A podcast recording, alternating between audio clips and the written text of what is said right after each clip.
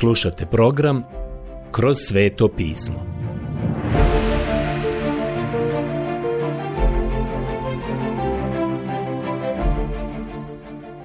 Knjiga Poslanica Galačanima. Odlomak Poslanica Galačanima, poglavlje 5, od 5. do 16. stiha. Prijatelji, danas se vraćamo na ovo veoma važno peto poglavlje u Poslanici Galačanima. Nastavljamo naše proučavanje u petom stihu. I ponovo vas podsjećam da smo u odjeljku koji govori o posvećenju duhom. Nalazimo se u veoma divnom dijelu u kojem nam je rečeno kako trebamo živjeti kao vjernici. Apostol Pavle nam u ovom dijelu daje modus operandi, ali prije svega on pokazuje da ukoliko smo spašeni vjerom, a živimo po zakonu, to dovodi do toga da se otpadne od milosti. Molim vas, zapazite sada da dok prolazimo dalje kroz ovo poglavlje, apostol Pavle nastavlja ovu misao. Jer mi iščekujemo u duhu, iz vjere, ispunjenje nade u opravdanje. Poslanica Galačanima 5.5 Sada, kada smo u ovom odjeljku, vidimo da je nada koju on ovdje spominje jedina proročka referenca u cijeloj ovoj poslanici. To je prilično izvanredno, jer u svim Pavlovim poslanicama on ima nešto za reći o uznesenju crkve ili nešto o Isusovom dolasku na zemlju da uspostavi svoje kraljevstvo. Ali sve što on ovdje kaže je nada u pravednost po vjeri. I to je jedan od razloga zbog kojih sam uvjeren da su Martin Luther i reformatori potrošili tako malo vremena na proroštva. Uostalom, oni nisu živjeli u danima u kakvim mi danas živimo. Oni su imali drugu brigu. Njima je veliki problem bilo pitanje spasenja, jer je spasenje bilo zamagljeno velikom količinom rituala i velikom količinom dijela tijela. Zapravo je evanđelje bilo zamagljeno. Kada je Martin Luther došao do poslanice Galačanima i otkrio šta je zapravo evanđelje, tada je on ustao, pridigao se sa svojih koljena na skala Sankta u Rimu i otišao u svijet objaviti evanđelje milosti Božije odagnao je tamu mračnog srednjeg vijeka kada je to učinio, tako da naglasak zapravo nije bio na skorom Kristovom dolasku. Današnji stav je da su sve škole proroštva, odnosno svi premilenijalisti, a milenijalisti, postmilenijalisti svi citirali Martina Lutera i reformatore. Iskreno govoreći, ja mislim da su svi oni u krivu. Ne mislim da postoji bilo kakav razvoj proroštva osim onoga što je rana crkva učinila. Sve do 20. vijeka je bilo tako. Tek u ovom vijeku je došlo do ogromnog razvoja u proroštu. Ja osjećam da su vjerovatno biblijski instituti bili začetnici ovoga, a zatim i dva ili tri naša današnja teološka fakulteta koja su naglasila i zauzela premilenijalistički stav čime su pogurali i druge da proučavaju proroštva. A milenijalisti su zapravo ranije bili samo skupina postmilenijalista koja je bila dovedena i pogurana u poziciju da moraju proučavati proročanstva. I oni su zatim došli do amilenijalizma i naravno bili su sjajni u citiranju crkvenih otaca. To se odnosi na postapostolsko razdoblje. Oni se jako puno bave upravo tim razdobljem. Kažu, Augustin je ovo rekao. I Augustin je zaista to rekao, nema diskusije o tome. Pokušavao je izgraditi crkvu ovdje na ovoj zemlji, odnosno pokušavao je ovdje izgraditi Božje kraljevstvo. A crkva bi to samo usvojila. To je dovelo do postmilenijalizma. Naravno, to je bio pogrešan stav, ali ne mislim da biste zato mogli u potpunosti okriviti Augustina jer u njegovo vrijeme nisu pokušavali razviti proroštva. U to vrijeme Kristova osoba je bila velika tema, baš kao što je kasnije to bila tema spasenja, a onda i dijelo duha. A vi i ja živimo u to vrijeme kada je dijelo duha značajna i velika tema. Stoga mislim da sama činjenica da ovdje imamo samo jednu referencu o duhu navodi na zaključak da se apostol Pavle ovdje bavi evanđeljem i kršćanskim životom. To je primarno u ovoj poslanici. Ja mislim da bismo uvijek trebali imati na umu koji su to prioriteti u bilo kojoj biblijskoj knjizi koju čitamo. Također, treba da znamo prioritete koji su postojali u nekom određenom razdoblju. Jer ako ćemo citirati nekoga iz tog razdoblja, da se ne desi da ih pogrešno protumačimo i shvatimo. Čini mi se da su sve današnje škole napravile tu grešku. Pokušale su se vratiti i citirati crkvene oce. Pa pročitajmo šta je Pavli rekao i šta je Petar rekao i Jakov i doktor Luka i Matej, Marko i Ivan. To su autoriteti, a ne crkveni oci.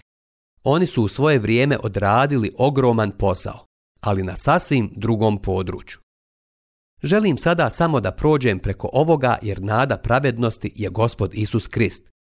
Ja mislim da apostol Pavle ovo ovdje kaže iz tog razloga što vi i ja nećemo postići savršenstvo ovdje dole na zemlji. A najveća nesavršenost koje se danas mogu sjetiti jeste misliti da si dostigao savršenstvo. Jer vjerujte mi, takvi ljudi su uglavnom vrlo nesavršeni kao i svi mi ostali. Jedino što oni to ne vide. Sada idemo dalje i pročitat ćemo šesti stih. Doista, u Kristu Isusu niti što pomaže obrezanje, ni neobrezanje, nego vjera koja po ljubavi postaje djelotvorna. Poslanica Galačanima 5.6 Nikakav pravni aparat neće proizvesti kršćanski život. Formula je dana upravo ovdje. To je jednostavna usporedba. Toliko jednostavna da prolazi neprimijećena od strane teologa. Vjera koja po ljubavi postaje djelotvorna. To je to. To je formula koja nam je ovdje dana. Sada će nam, kako budemo napredovali, apostol Pavle dati modus operandi. Ali imajmo i dalje na umu da je to vrlo jednostavna formula. Vjera koja po ljubavi djeluje. To je način na koji treba živjeti kršćanskim životom. To je vjera koja po ljubavi postaje djelotvorna a ljubav će biti plod duha svetoga. I sada ćemo pročitati sedmi stih. Trčali ste dobro. Ko vas je spriječio da se više ne pokoravate istini? Poslanica Galačanima 5.7 Ono što apostol Pavle ovdje govori je sljedeće. Mislim da on ovdje grdi Galačane. Manje više ih nježno prekorava. On kaže, išlo vam je dobro sve dok ste živjeli po vjeri. Sve dok nisu došli judajsti i sada ste ponovo pali na nos. Trčali ste dobro. Ko vas je spriječio da se više ne pokoravate istini? A naravno, danas je prava istina evanđelja poznavati gospoda Isusa Krista lično. Pročitat ću sada osmi stih. Ovo poticanje nije od onoga koji vas poziva. Poslanica Galačanima 5.8. Drugim riječima, ovo nije nešto što dolazi od Krista. Ovo dolazi iz drugog izvora. I onda kaže u devetom stihu sljedeće. Malo kvasca ukvasa sve tijesto. Poslanica Galačanima 5.9. I kao što vidimo ovdje, vrlo je jasno da je kvasac simbol zla. I dopustite mi da tom dodam sljedeće. Koliko ja znam, kroz čitavu Bibliju, i stari i novi zavjet, kvasac je uvijek simbol zla. Tako nam je predstavljeno. U evanđelju se kaže da je neka žena uzela tri mjerice brašna i stavila kvasac u to. Pogledajte evanđelje po Mateju 13.33. Prijatelji moji, kvasac nije evanđelje. To bi mogla biti neka vrsta evanđelja koja danas prolazi kao nešto prihvatljivo, ali to je zlo. Zapravo, apostol Pavle kaže da to uopšte nije evanđelje. Radi se o tome da je kvasac simbol zla. Gospod Isus je upozorio svoje apostole na farizejski kvasac. Ja mislim da nas danas treba upozoriti na današnji kvasac legalizma. To je jedna grozna stvar.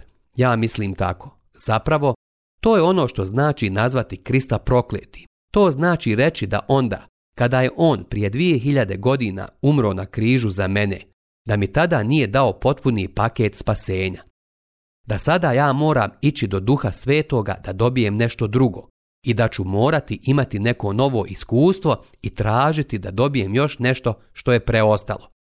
Prijatelji moji, ja sam sve dobio u Kristu. Ja mogu imati i dodatna iskustva nakon toga, ali ona se uvijek moraju vratiti na gospoda Isusa Krista. On je taj koji je realizovao naše spasenje Apostol Pavle upozorava na ovu vrstu kvasca koja je zla stvar. I gospod Isus je rekao da će ona žena uzeti kvasac i staviti ga u evanđelje. Ja vjerujem da se to danas dogodilo i da imamo kvasca u evanđelju. A to znači da hljeb ili tijesto predstavljaju riječ Božju i evanđelje. I u to je stavljen iskriven kvasac. On čini hljeb ukusnim. Ja sam odgojen na jugu. Nisam znao da tamo postoji samo jedna vrsta keksa i to je vrući biskvit. I nikada ih nisam jeo hladne. Moja majka ih je pekla svaki dan. Čak i sada mogu vidjeti te kekse na stražnjoj strani šporeta. Mislim na tijesto koje bi zamijesila i ostavila tamo da naraste. Kada bi tijesto naraslo i dobilo određenu visinu, ubacila bi ih u pečnicu. Imali su kvasca u sebi. Uh, kada u njih stavite maslaca i malo meda, nema ništa bolje od toga. To je i danas najbolji desert za koji znam. Vidimo da se u evanđelje danas stavlja mnogo kvasca kako bi ga ljudi učinili ukusnim, jer prirodan čovjek voli hljeb sa kvascem. Nama je takav ukusan. I evanđelje se danas mora malo ukisnuti da bi bilo ukusno. A upozoreni smo da to ne činimo. Dalje apostol Pavle kaže Ja imam povjerenja u vas, u gospodinu, da ništa drugčije nećete misliti. A tko vas zbunjuje, podnijet će osudu, kogod on bio. Poslanica Galačanima 5.10 Dakle, Pavle je vjerovao da će Galačani konačno odbaciti učenje judaista. On kaže, ja imam povjerenja u vas da kada se spustite na zemlju i izvučete glavu iz oblaka i kada se vratite evanđelju koje vam je prvobitno propovijedano, vidjet ćete da je to upad, da je to kvasac koji je ubačen. Pročitat ćemo sada 11. stih, a on glasi ovako. Ako ja, braćo, propovijedam još obrezanje, zašto me još progone? Onda je ukinuta sablazan križa. Poslanica Galačanima 5.11. Vjerujem da je ovo veoma važna stvar koju treba napomenuti. Apostol Pavle kaže ako propovjedam obrezivanje, zašto sam onda progonjen? Vidite da propovjedanje da još nešto treba dodati evanđelju jeste prihvatljivo. Evanđelje samo po sebi nije prihvatljivo prirodnom čovjeku. Bilo je puno ljudi koji su mi rekli da im neke stvari nisu prihvatljive.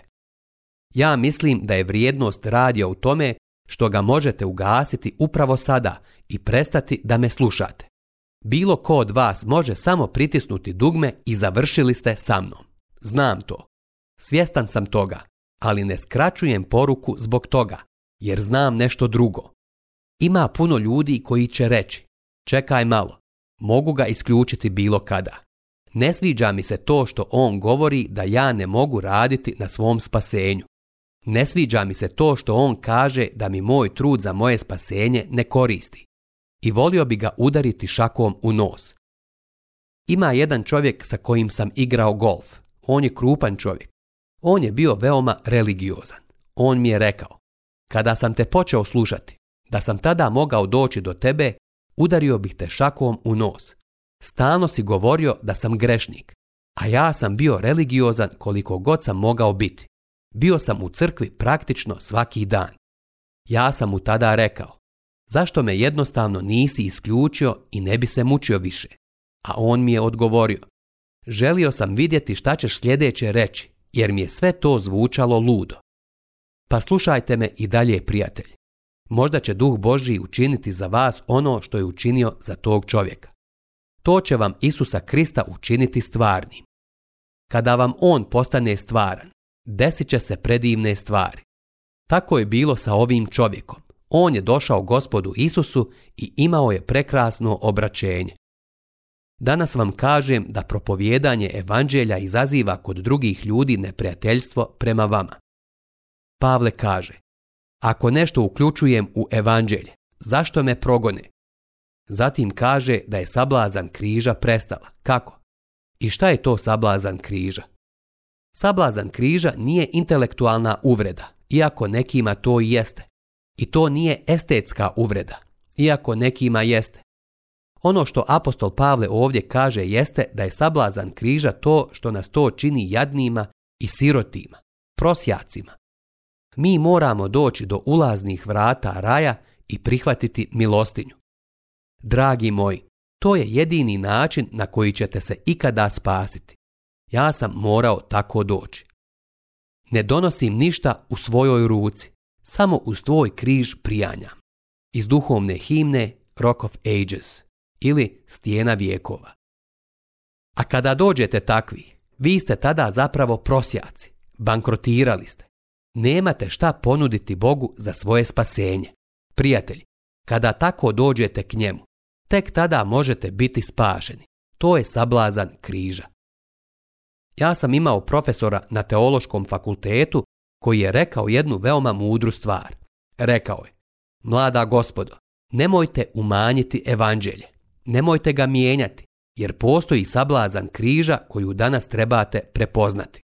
Ali nemojte uveličavati sablazan. Ja mislim da ponekad način na koji prezentujemo evanđelje može postati uvredljiv. Kada to učinimo, neka nam Bog oprosti, jer sam siguran da većina nas koji pokušavamo propovijedati evanđelje ne želimo lično biti uvredljivi. Jako bismo željeli da evanđelje bude ono što je uvredljivo. Rekao sam čovjeku koji je jedno vrijeme bio dio osoblja koje je radilo u mojoj organizaciji da je on natjerao svoju porodicu da napusti crku. I rekao sam mu, slušaj, ja sam taj koji će propovijedanjem dovesti do antagonizma među ljudima ti ne trebaš da izazivaš antagonizam. I rekao sam da želim biti vrlo oprezan i pobrinuti se da nisam lično ja taj koji im se protivi, već da je to evanđelje koje propovijedam.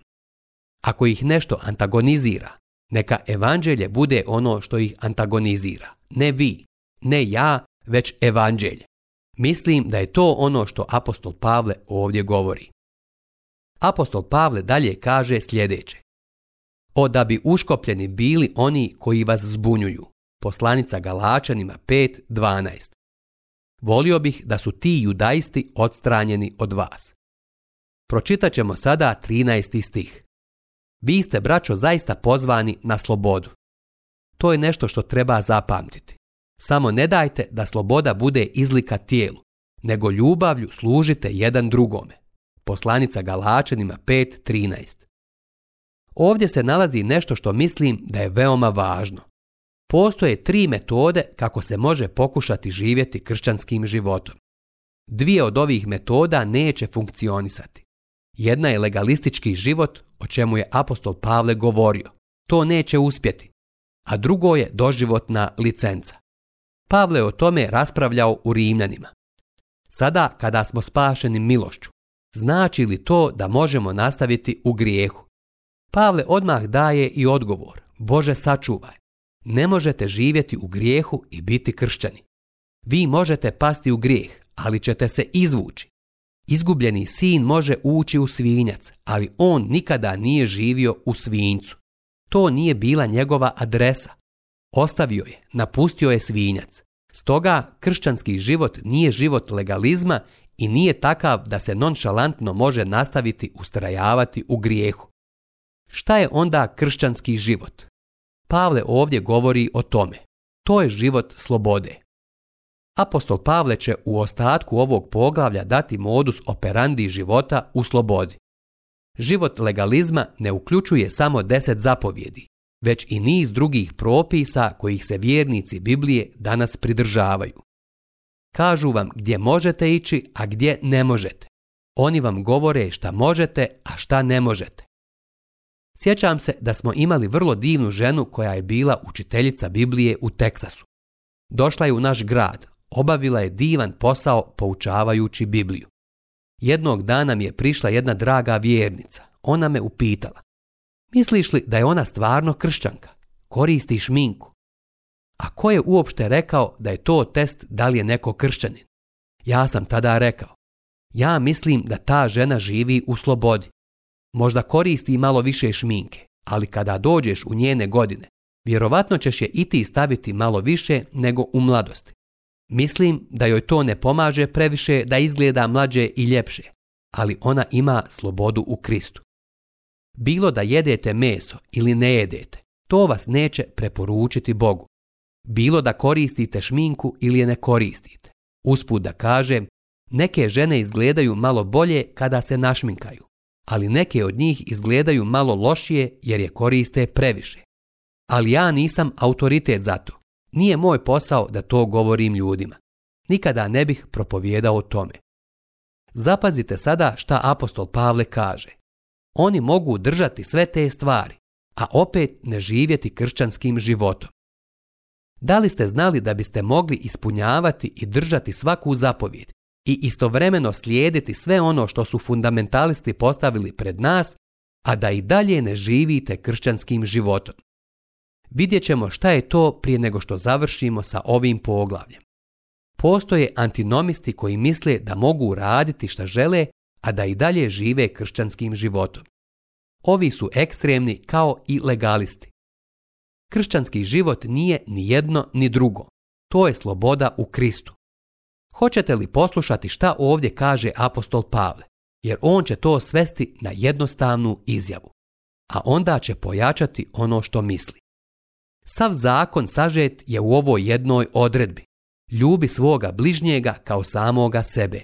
Poslanica Galačanima 5.14 Kako ćemo to ostvariti u našim životima? Ovo pitanje ljubavi. O tome ćemo razgovarati sljedeći put. Sljedeći put ćemo ići malo dalje. Zapravo, tada ćemo završiti proučavanje ovog poglavlja. Ali sada smo u veoma važnom odjeljku. Ljubavlju služite jedni drugima. Dakle, apostol Pavle kaže u 14. stihu sljedeće. Sav zakon sažet je u ovoj jednoj odredbi. Ljubi svoga bližnjega kao samoga sebe. Naravno, ta jedna riječ ljubav je najvažnija. Ljubi bližnjega svoga kao samog sebe. A evo i sljedećeg stiha, 15. stih. Oduvijek sam želio održati propovjed na temu ovog teksta. Nikad nisam čuo takvu propovjed, a i nikada je nisam propovjedao. Vjerovatno nikada i neću, ali imam naslov za nju. Prvo poslušajte stih. Evo teksta. Ali ako već jedni druge grizete i izjedate, gledajte da jedni druge ne istrijebite. Poslanica Galačanima 5.15 Moja tema bi bila kršćanski kanibali. Jedite i žderite i grizite jedni druge. I znate da se to danas događa u mnogim crkvama. Usput da kažem, tamo u crkvi vas mogu ugristi. A takav ugriz je gadan kao kada vas ugrize bijesan pas. I ne postoji ništa što možete uzeti kao lijek. Ne možete uzeti nekakav serum za bjesnilo. Morate to istrpiti i odbolovati. A danas ima mnogo bijesnih pasa.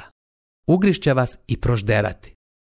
Svijet danas, nažalost, prolazi pored crkve. I žao mi je što je tako. Imamo mnogo dobrih ljudi u našim crkvama i ima divnih propovjednika širom ove zemlje. Ali jeste li znali da život nekih kršćana spriječava ljude iz ovog svijeta da dođu u određene crkve? Slučajno to znam Slučajno poznajem ljude koje je život onih unutar crkve odvratio od toga da oni dođu u crkve. Šta oni rade? Oni se ne vole. Grizu i proždiru jedni druge. Kažem vam, to je užasna stvar. Sada će apostol Pavle usporediti šta znači živjeti po željama tijela i hoditi u duhu. Ovo ovdje je njegova zabrana i cijeli ovaj odjeljak ovdje će nam dati modus operandi. Poslušajte šta apostol Pavle kaže u 16. stihu. A velim, u duhu živite i nećete izvršavati tjelesnih želja. Poslanica Galačanima 5.16. Ovdje treba reći dvije stvari. Jedna je hodati u duhu. Grčka riječ je paripateo, što je bio naziv jedne filozofske škole u Atini. To je mjesto gdje je osnivač te škole hodao gore dole, to nije imalo nikakve veze sa njegovom filozofijom, već je samo hodao gore dole. Ovo je riječ. Princip je hodati u duhu. Sada će Pavle to pojačati. Nećete izvršavati žudnje niti tjelesne želje. Zapravo, to znači želje tijela. Postoji mnogo tjelesnih želja koje nisu pohotne u negativnom smislu i nisu grešne. Ići na operu i voljeti operu. Nema ništa loše u tome, ali to može biti tjelesna želja. Mnogi kršćani danas žive tako da ih interesuje samo da zadovoljavaju želje tijela. Oni samo pokušavaju ispuniti svoje želje, ali oni nemaju ljubavi prema riječi Božoj. Oni zapravo nemaju ljubavi prema evanđelju. Nemaju prave ljubavi prema hodanju u duhu. Sljedeći put ćemo vidjeti šta znači hodati u duhu. Do tada, ljubljeni moji, neka vas Bog obilno blagoslovi.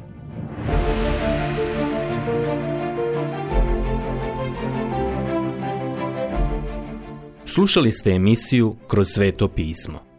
Možete nas slušati i na našem YouTube kanalu, putem mobilne aplikacije, te na svim glavnim podcast platformama kao što su Google, Apple i Spotify. Ako vam se naši programi dopadaju, preporučite ih i podijelite s drugima. Budite slobodni da ostavite svoj komentar ili nam pišite na našu e-mail adresu kroz sveto at gmail.com Zapratite našu stranicu kroz sveto pismo BiH na Facebooku i na Instagramu. Emisije iz ove serije možete pronaći na našoj stranici ttb.twr.org.